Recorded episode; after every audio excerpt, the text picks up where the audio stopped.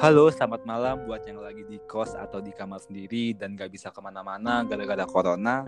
Kembali lagi nih bareng Adi Diki di podcast Remote Rindu edisi Ramadan. Podcast buat sharing dan nyemil online tentang kisah-kisah absurd, lucu, konyol, atau mungkin aib-aib pas zaman SMA. Di podcast episode ke-6 kali ini, aku bakal bahas tentang scoring. Podcast yang bakal sedikit mengulang ingatan kalian tentang kenakalan saat SMA di podcast kali ini aku bakal ngundang host yang bakal cerita panjang lebar yang sebenarnya dia itu sudah nutupin rahasia ini udah mungkin lebih dari tiga tahun kayaknya. Karena dia merasa insecure dengan cerita ini dan dia merasa nggak baik buat diceritakan tapi mau bagaimana lagi seburuk-buruknya kelakuan kita pada saat lalu cepat atau lambat pasti bakal ketahuan juga kan ya? Betul Oke, langsung aja kita panggil host podcast malam ini, bintang tamunya yang bakal kita wawancarai sampai ke akar-akarnya. Halo Kak Edwin Bisaludin. Halo Kak Deki. Halo, gimana nih kabarnya nih? Alhamdulillah baik. Puasa lancar? Aman sampai hari ke-12 lancar. Oke, mantap. Di Lombok udah jam berapa nih Kak Edwin? Di Lombok udah mau setengah sepuluh nih mas. Oke, jadi buat pendengar host yang bakal kita wawancarai kali ini asalnya di Lombok. Lombok Surabaya bedanya satu jam kan ya Mas Edwin? Iya bedanya satu jam. Oke, oke Mas Edwin. Uh, sebelum kita panjang lebar podcastnya nih, boleh nggak sih aku sama teman-teman pengen tahu nih uh, karakter Mas Edwin tuh kayak gimana. Jadi Mas Edwin boleh nggak sih kenalan dulu ke pendengar gitu. Uh, karakteristik Mas Edwin kayak gimana, kesehariannya kayak gimana gitu. Oh, sebelum ke karakter karakteristik dan keseharian, mungkin saya perkenalkan diri secara umum aja dulu kayaknya. Oke. Jadi perkenalin nama saya Ahmad Edwin Risaludin. Saya dari Lombok. Sekarang udah semester 6 di Universitas Mataram prodi agribisnis. Jadi itu secara umumnya teman-teman. Oke. Uh, ini gimana Kak Edwin? Mau langsung cerita dikit-dikit tentang kenalan sama aku apa gimana nih? Oh iya, ini kan apa namanya? Kenal Mas Dikinya ini sebenarnya pada kegiatan YIPC Jatim. Jadi waktu itu aku uh, sendiri dari Lombok dan kebetulan ikut kegiatan satu kegiatan sama Mas Ade dan Mas Ade sangat baik sih. Terus ini juga baik sekali bisa ngajakin aku podcastan gitu. Wah, muji-muji nih. Uh, Kak Edwin, uh, kegiatan sehari-hari ini gimana nih? Kayaknya aku lihat di snapgramnya Mas Edwin lagi KKN ya? Oh iya, kebetulan kan sekarang lagi semester 6. Nah, sekarang lagi ada program KKN dan PKL. Tapi karena kondisi saat ini yang tidak memungkinkan untuk ke desa orang-orang, maka KKN dan PKL pada periode ini dari universitasku ini di desa sendiri gitu. Oke, ini gara-gara corona ini ya. Iya, gara-gara pandemi. Oke. Uh, karena Kak Edwinnya udah perkenalan secara umum nih, Kak Edwin, aku mau langsung masuk ke topik, boleh nggak sih? Oh boleh. Uh, jadi gini Mas Edwin, aku punya 11 pertanyaan buat Mas Edwin jawab ntar terserah Mas Edwin mau jawab atau enggak mau skip atau enggak. Soalnya ini tuh pertanyaannya ada yang bersifat personal banget gitu.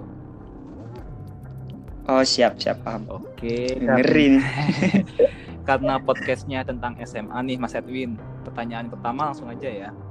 Uh, jadi pertanyaan pertama Kak Edwin dulu sekolah di SMA mana sih? Terus kenapa milih di SMA itu gitu? Soalnya kan aku lagi bahas podcast tentang SMA gitu sambil nginget-nginget masa lalu gitu. Gimana Mas Edwin? Iya baik. Jadi uh, aku tuh dulu SMA di SMAN 1 Aikmal. Itu salah satu daerah di Lombok Timur. Jadi uh, kenapa aku milih sekolah itu? Di Lombok Timur ada beberapa sekolah favorit dan salah satunya SMA aku itu SMAN Sakmal gitu mas.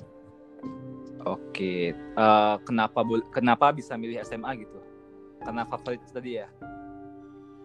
Iya sebenarnya pada awalnya ini latar belakang itu jadi cerita latar belakang benar-benar flashback nih sama pertanyaannya Mas Ade.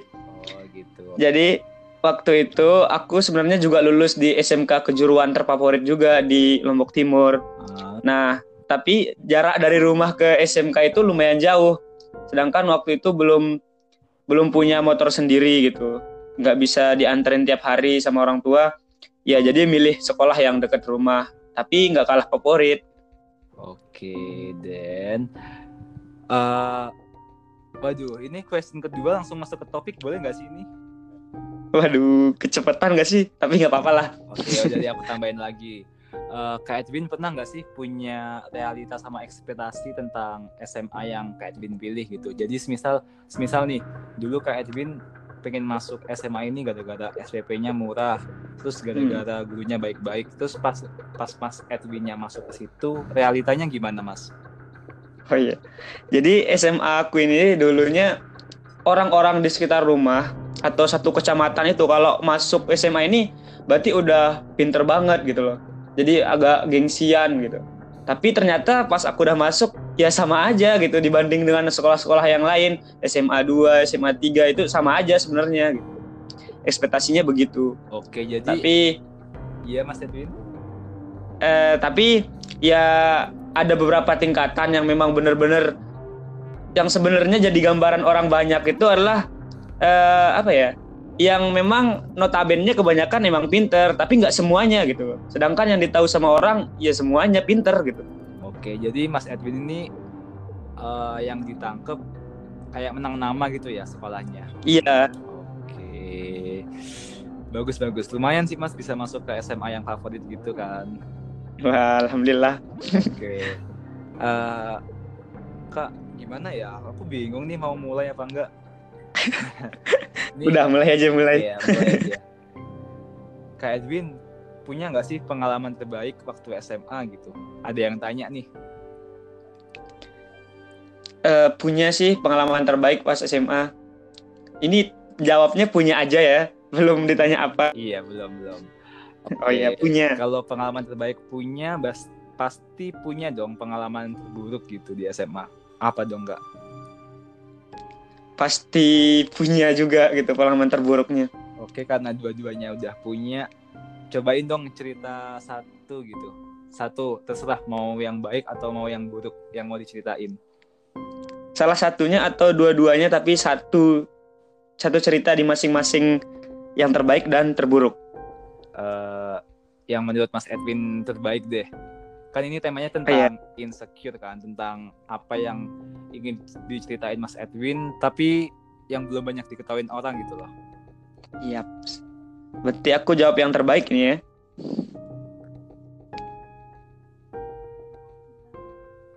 Halo.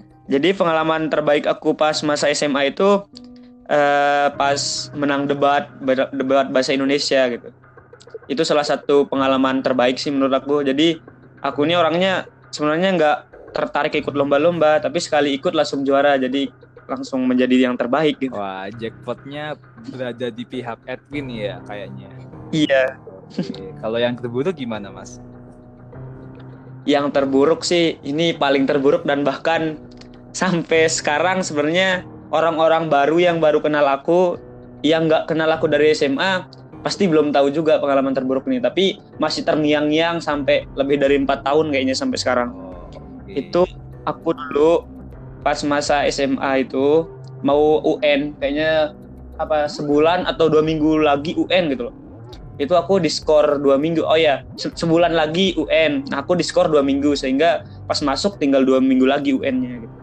Pernah diskorsing dua minggu. Oke, jadi Mas Edwin ini bakalan cerita tentang insecure-nya, tentang masa lalu, tentang sportsing ya Mas ya. iya siap Oke, Eh, ya udah Mas lanjut aja cerita tadi yang sportsing itu gimana?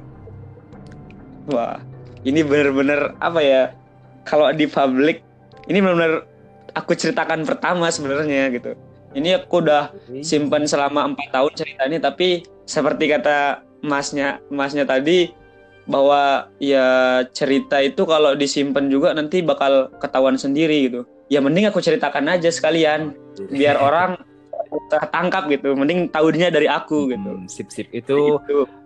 Kenapa alasannya aku milih ceritakan sekarang gitu Oke, oke Mas Edwin. Jadi ini salah satu jalan yang tepat gitu ya biar orang tahu Iya. eh, rahasia Mas Edwin bukan dari mulut orang lain gitu tapi secara Hmm. langsung dari Mas Edwinnya gitu Nah, bener. Oke. Takutnya nanti salah-salah tangkap gitu. Mending langsung cerita terus klarifikasi. Sebenarnya apa sih yang terjadi waktu itu gitu. Oke, boleh dong Mas Edwin langsung cerita. Oke, jadi waktu itu kan aku ulang lagi ya. Jadi sebulan lagi UN.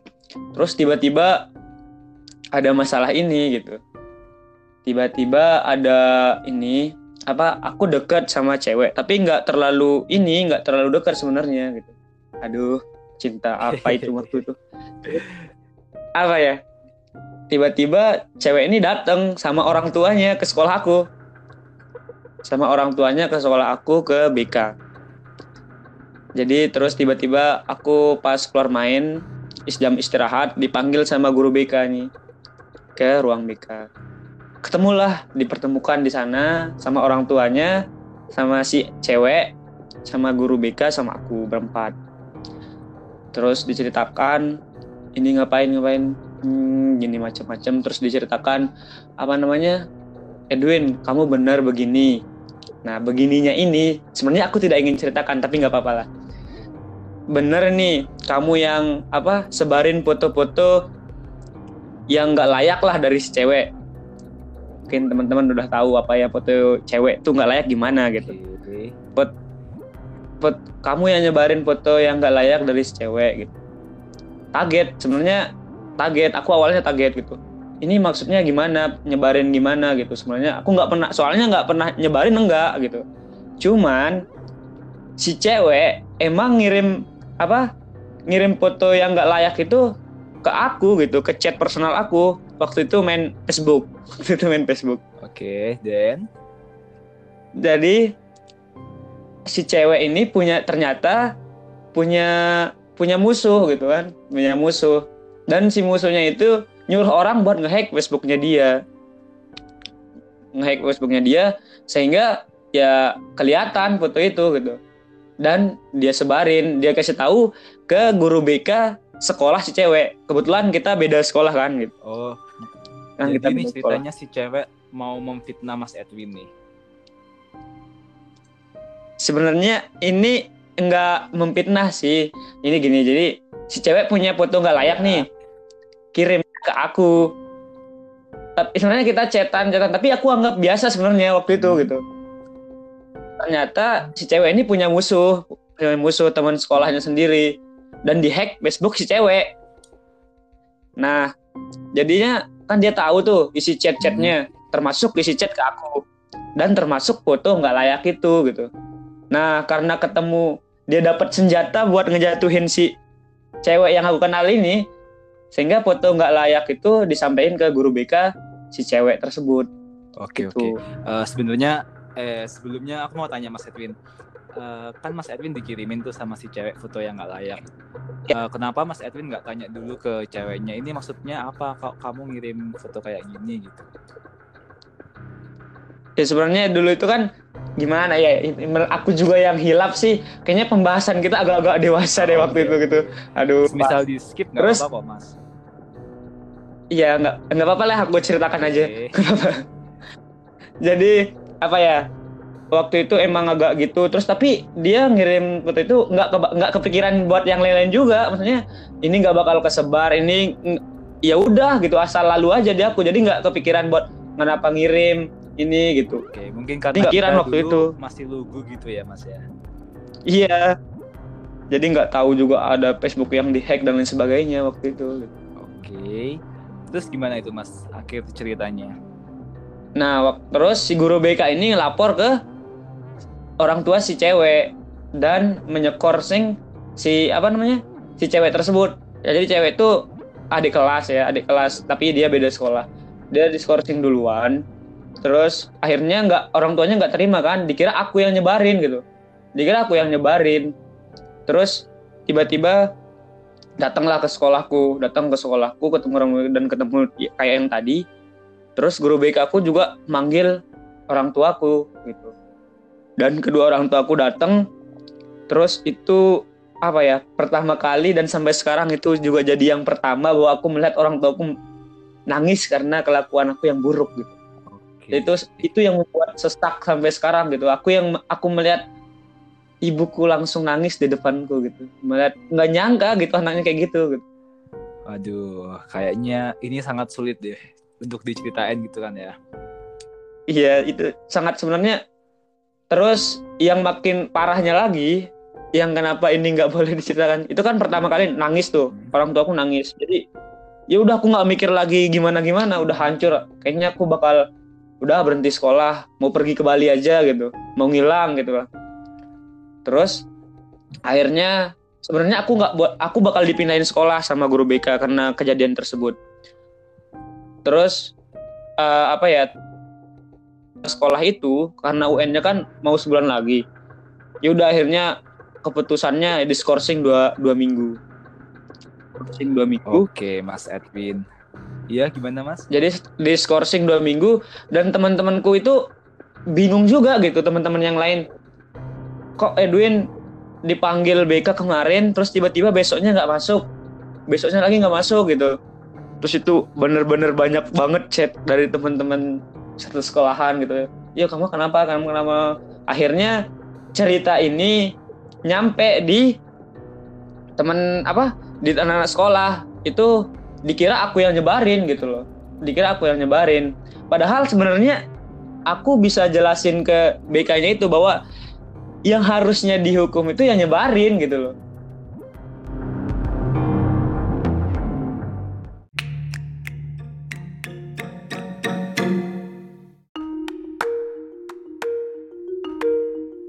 Menurut Kak Edwin, arti skorsing itu apa sih? Apakah sebuah hukuman, liburan singkat, atau sebuah apa ya pembelaan diri gitu? arti skorsing yang sependapat aku yang pernah aku alamin tersebut adalah pembelajaran sih sebenarnya skorsing itu adalah pembelajaran bagaimana bahwa kamu tidak bisa semena-mena ada aturan yang ngatur kamu gitu Oke, cukup Mas Edwin. Apa mau ditambahin lagi? Misal apa ya, Mas Edwin punya apa ya arti lain skorsing gitu? selain pembelajaran skorsing ini juga bisa membuat kamu bahwa apa ya berperilaku lebih baik lagi ke depannya terus ya benar juga sih ini apa ya kamu di skorsing ini juga selain kamu dapat liburan tambahan lebih dulu dari teman di sini juga kamu bakal tahu mana teman-teman kamu yang benar peduli kepada kamu dan mana yang pengen bahagia aja sama kamu gitu Oke. itu sih arti skorsing bagi aku Oke, Mas Edwin, dampak skorsing sendiri ke Mas Edwin tuh dulu kayak apa sih, Mas? Apakah trauma mungkin atau semacamnya gitu yang pernah Mas Edwin dapetin dari skorsing itu sendiri, dampaknya? dampak skorsing bagi aku pribadi terhadap masalah yang tadi anakku sebenarnya nggak pernah masuk BK ya selama hampir tiga tahun tersebut tiba-tiba masuk BK langsung skorsing dua, dua minggu itu dampaknya empat tahun sampai sekarang itu masih. Traumanya masih gitu. Dampak traumanya masih sampai sekarang. Bahkan padahal udah empat tahun. Tapi masih ter- terngiang gitu ya Mas Edwin ya? masih masih terngiang. Tapi mungkin karena cerita ini belum aku klarifikasi atau ceritakan gitu. Mudahan setelah ini trauma itu agak mendingan Eh, Mas Edwin merasa nggak sih dirugikan sama kegiatan skorsing ini? Misal kehilangan waktu belajar, kehilangan waktu main, atau gimana Mas? Selain apa ya? Kan tadi yang pertama itu dampak skorsing. Nah, kalau Iya. yang question ini, kamu merasa dirugikannya itu kayak apa? ya rugi rugi sih bener kita bayar SPP terus skorsing seharusnya juga sebaiknya hukumannya itu skorsing belajar di rumah tapi ada yang ngajarin gitu. Atau dikasih materi apa tugas apa gitu. Ini bener-bener ya kamu kayak kamu bukan murid sekolah ini lagi gitu. Nggak bakal dianggap lagi selama skorsing itu gitu. jadi merasa terugikan sih. Oh, masa rugi waktu belajar terus waktu main main dalam artian sama teman-teman yang satu sekolahan eh, tapi sebelumnya Mas Edwin ini pernah nggak sih komplain kayak ke gurunya, Bu kok aku di skorsing tapi nggak ada apa ya pelajaran tambahan gitu. Kamu bilang gitu nggak sih ke guru kamu? Apa emang kamu itu bener-bener di lost gitu? bener-bener di los sih sebenarnya atau aku mungkin waktu itu yang ini kayaknya yang masih dungu banget gitu yang Yang ngikut masih aja gitu. polos banget gitu ya ke mana-mana ngikut mau ke A ke A ke B ke B gitu ya Iya benar sekali. Oke, Eh, Mas Edwin setelah skorsing nih, teman-teman Mas Edwin sama guru-guru Mas Edwin itu ngecap kamu sebagai anak bandel nggak sih? Padahal Mas Edwin cuma ngelakuin satu kesalahan itu aja gitu. Itu setelah aku masuk hari pertama masuk setelah skorsing itu bener-bener beda banget suasana. Mulai dari masuk gerbang itu udah beda banget sebenarnya. Gimana ya, Ini- Mas?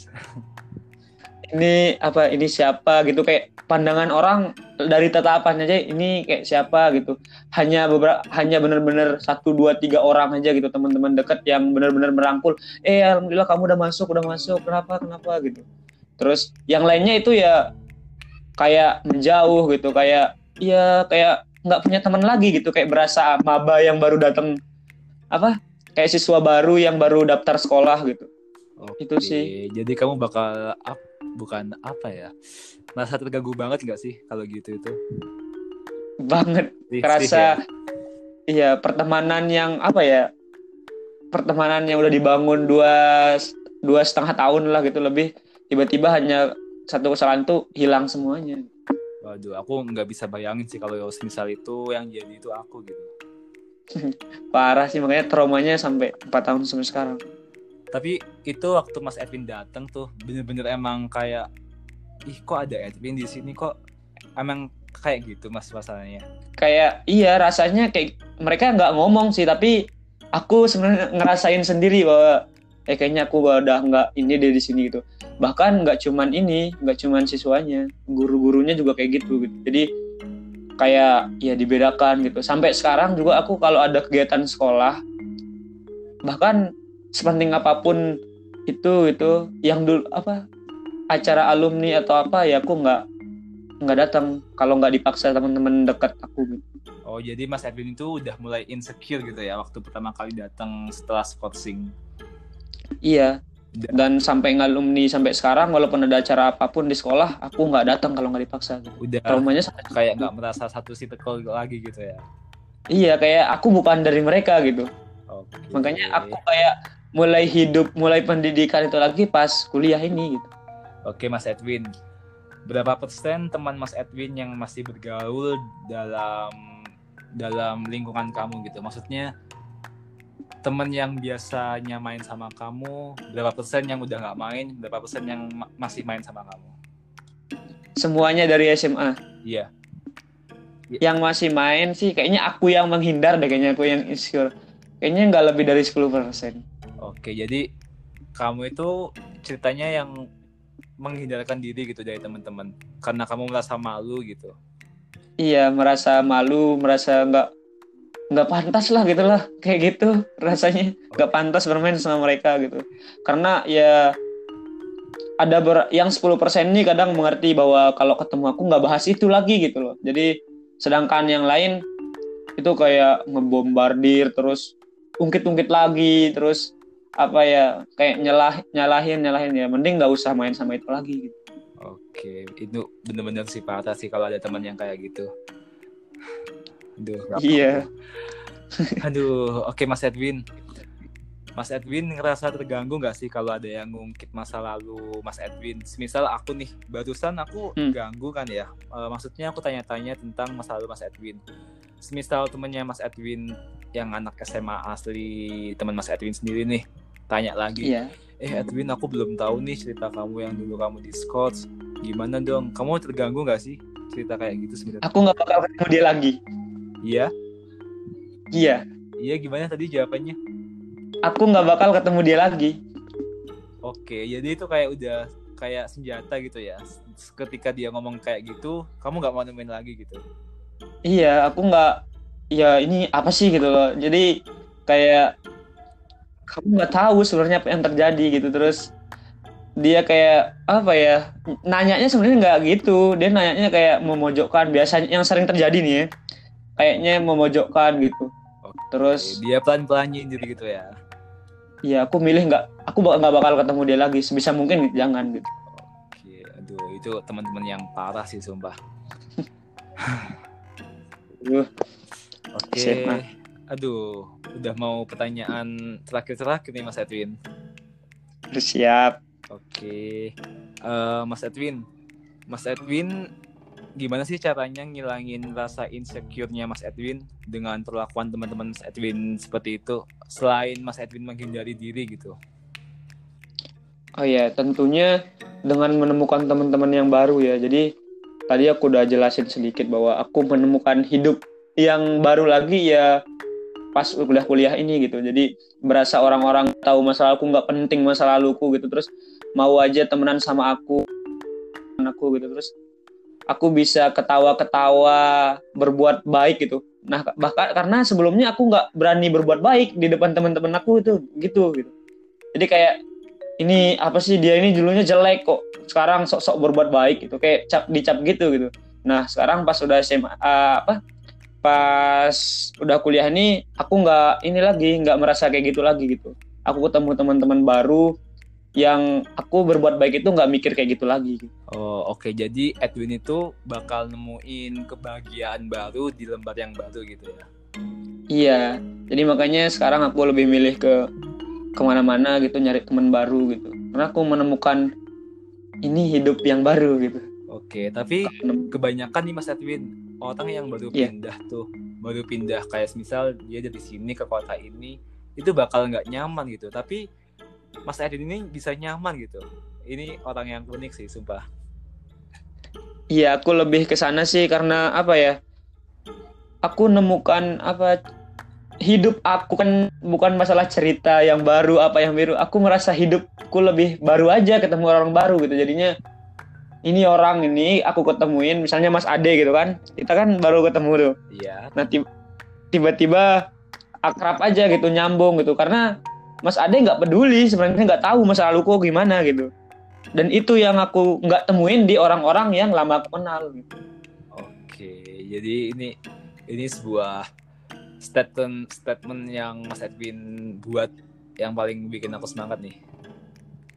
Iya, makanya sekarang ya nemuin orang-orang baru sebanyak-banyak mungkin gitu. Karena mereka aku juga lebih terbuka, lebih cerita apa pun ini jujur ya ke orang-orang yang baru tersebut gitu. Daripada orang-orang yang udah lama yang yang khususnya SMA aku kenal. Oke. Uh, Mas Edwin, pertanyaan terakhir nih, Mas. Oke uh,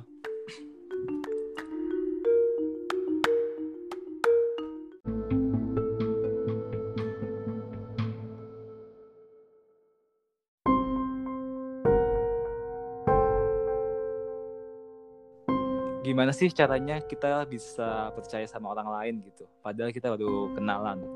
Iya bener ya. Kenapa bisa menceritakan pribadi yang sangat pribadi malah gitu ya?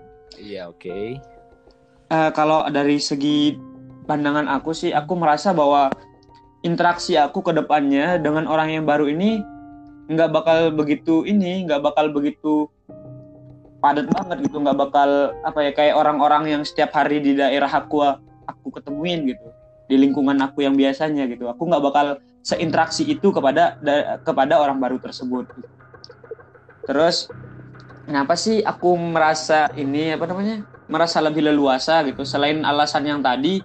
Karena biasanya kalau kita ketemu orang baru dan ceritakan itu kita dapat feel ceritanya kita menceritakan apa yang kita ingin sampaikan sedangkan orang orang baru yang menangkap cerita ini sebenarnya nggak peduli apa yang kamu ceritakan gitu lalu lalang aja gitu jadi nggak ada kepentingan nggak ada kepikiran buat dia menceritakan lagi gitu karena dia nggak kenal kita sebenarnya gitu baru tahap perkenalan gitu. Oke, jadi ini tuh ceritanya kayak bersikap bodo amat gitu ya. Yang penting kita iya. tuh bisa jadi pendengarnya mereka gitu. Iya bener. Jadi. Aku juga nganggap orang-orang juga akan bakal melakukan hal tersebut gitu. Dia nggak peduli sebenarnya kamu ceritakan apa. Yang penting pada saat kamu ketemu orang-orang baru itu sebenarnya yang penting ada komunikasi gitu. Ada ada hal yang diceritakan. Dia nggak bakal ceritakan lagi ke orang-orang lain gitu. Itu sih bedanya orang baru sama orang lama. Oke. Uh, ya Mas Edwin karena questionnya udah habis, mungkin Mas Edwin mau nggak kasih salam-salam ke temannya Mas Edwin yang waktu SMA. Barangkali temannya Mas Edwin lagi dengerin podcast ini gitu. Oh, siap. Halo teman-teman SMA, terutama teman-teman kelas ya yang waktu itu. Jadi yang udah udahlah nggak usah dibahas gitu. Aku ini sebenarnya ini udah lama ingin aku sampaikan, ceritakan ke teman-teman semua. Semoga ini bisa mengklarifikasi pikiran-pikiran teman-teman sebelumnya bahwa apa sih sebenarnya yang terjadi jadi ya udahlah kita lupain misalnya kita ceritakan apa apa yang kan masih banyak tuh dua dua tahun berapa bulan gitu yang yang sangat indah yang perlu kita ceritakan gitu buruk-buruknya aku ataupun teman-teman yang lain ya udahlah gitu usah kita bahas gitu. Terus nggak usah dibecandain becandain berlebihan gitu karena bercanda kalian belum tentu jadi bercanda orang yang nerima itu sebagai pelakunya Oke. Oke Mas Edwin karena kita kelihatannya udah 30 menit nih. Uh, juga kerasa ya, siap. Post podcastnya mungkin sampai di sini dulu ya Kak Edwin ya. Siap, Mas Ade. Terima ya, kasih. Ini ceritanya kurang banyak. Mungkin Kak Edwin mau nggak bagi-bagi kontak atau Instagramnya mungkin siapa tahu ada yang kurang nyambung atau yang mau ditanyain lagi sama Mas Edwin. Boleh nggak sih Mas uh, Mas Edwin bagi-bagi Instagramnya?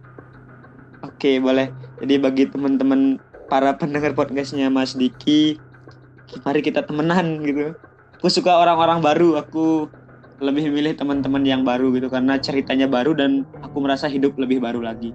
Jadi kalau ada yang mau kenalan mari saling follow gitu. Di Instagram aku nama Instagramnya Ahmad Edwin underscore. Oke Mas Edwin terima kasih. Uh, mungkin kita bisa collab lagi nih Mas di podcast ke episode kesekian bahas tentang Mas Edwin yang suka bervolunteer gitu ya. Uh, siap siap, uh, sangat siap. Mantap mantap. Oke sob, selamat berjumpa lagi di episode selanjutnya yang mungkin bakal lebih seru lagi di pengalamannya. Ya, podcast ini benar-benar sengaja dibuat untuk kalian yang lagi merindu di masa itu, masa SMA pastinya. Semoga dengan lewat rindu kalian tahu apa yang sedang kalian rindu. Salam SMA Rindu Saat Itu. Terima kasih. thank you